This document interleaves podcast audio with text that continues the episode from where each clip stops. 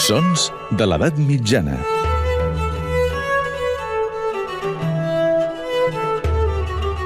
Amb Maria Montes.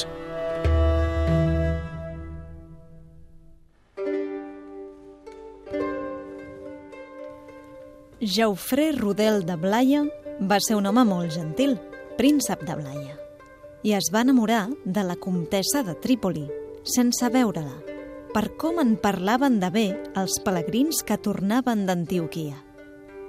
I li va dedicar molts versos de bon so i pobres paraules.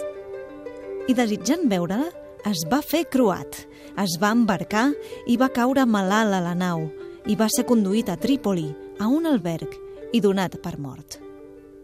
Això li van fer saber a la comtessa i va anar al seu costat, al seu llit, i el va prendre entre els seus braços. I quan ell va saber que era la comtessa, al mateix moment va recobrar l'oïda i l'alè i va alabar Déu perquè l'havia mantingut en vida fins a veure-la. I així va morir entre els seus braços. I ella el va fer enterrar amb honor a la casa del temple i després, aquell mateix dia, va fer-se monja pel dolor que va sentir per l'amor d'ell. Aquestes línies van ser escrites al segle XII per un autor anònim i descriuen la vida, no sabem si real o imaginada, del trobador Jaufré Rodel.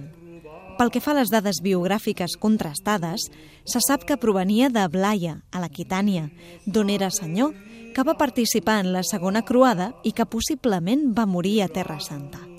La seva poesia és clara i transparent, d'aquí ve que la seva vida mencionés el seu bon so, fent referència a les seves melodies, i les seves paraules pobres o simples, que refereixen a versos sense complicacions, un exponent de l'anomenat trobar leu, lleuger.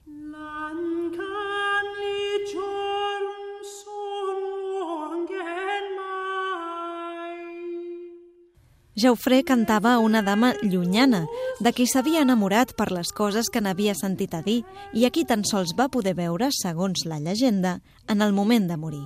Aquesta història va inspirar nombrosos poetes romàntics com Heinrich Heine i Robert Browning i també obres musicals com l'òpera L'amour de Loin de la compositora finlandesa Kaija Sariaho. I és que Jaufré Rodel és el poeta que canta l'amor de lluny, o com diuen alguns, el primer poeta modern de la pura nostàlgia.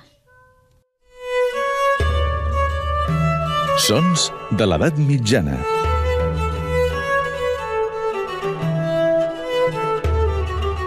Amb Maria Montes.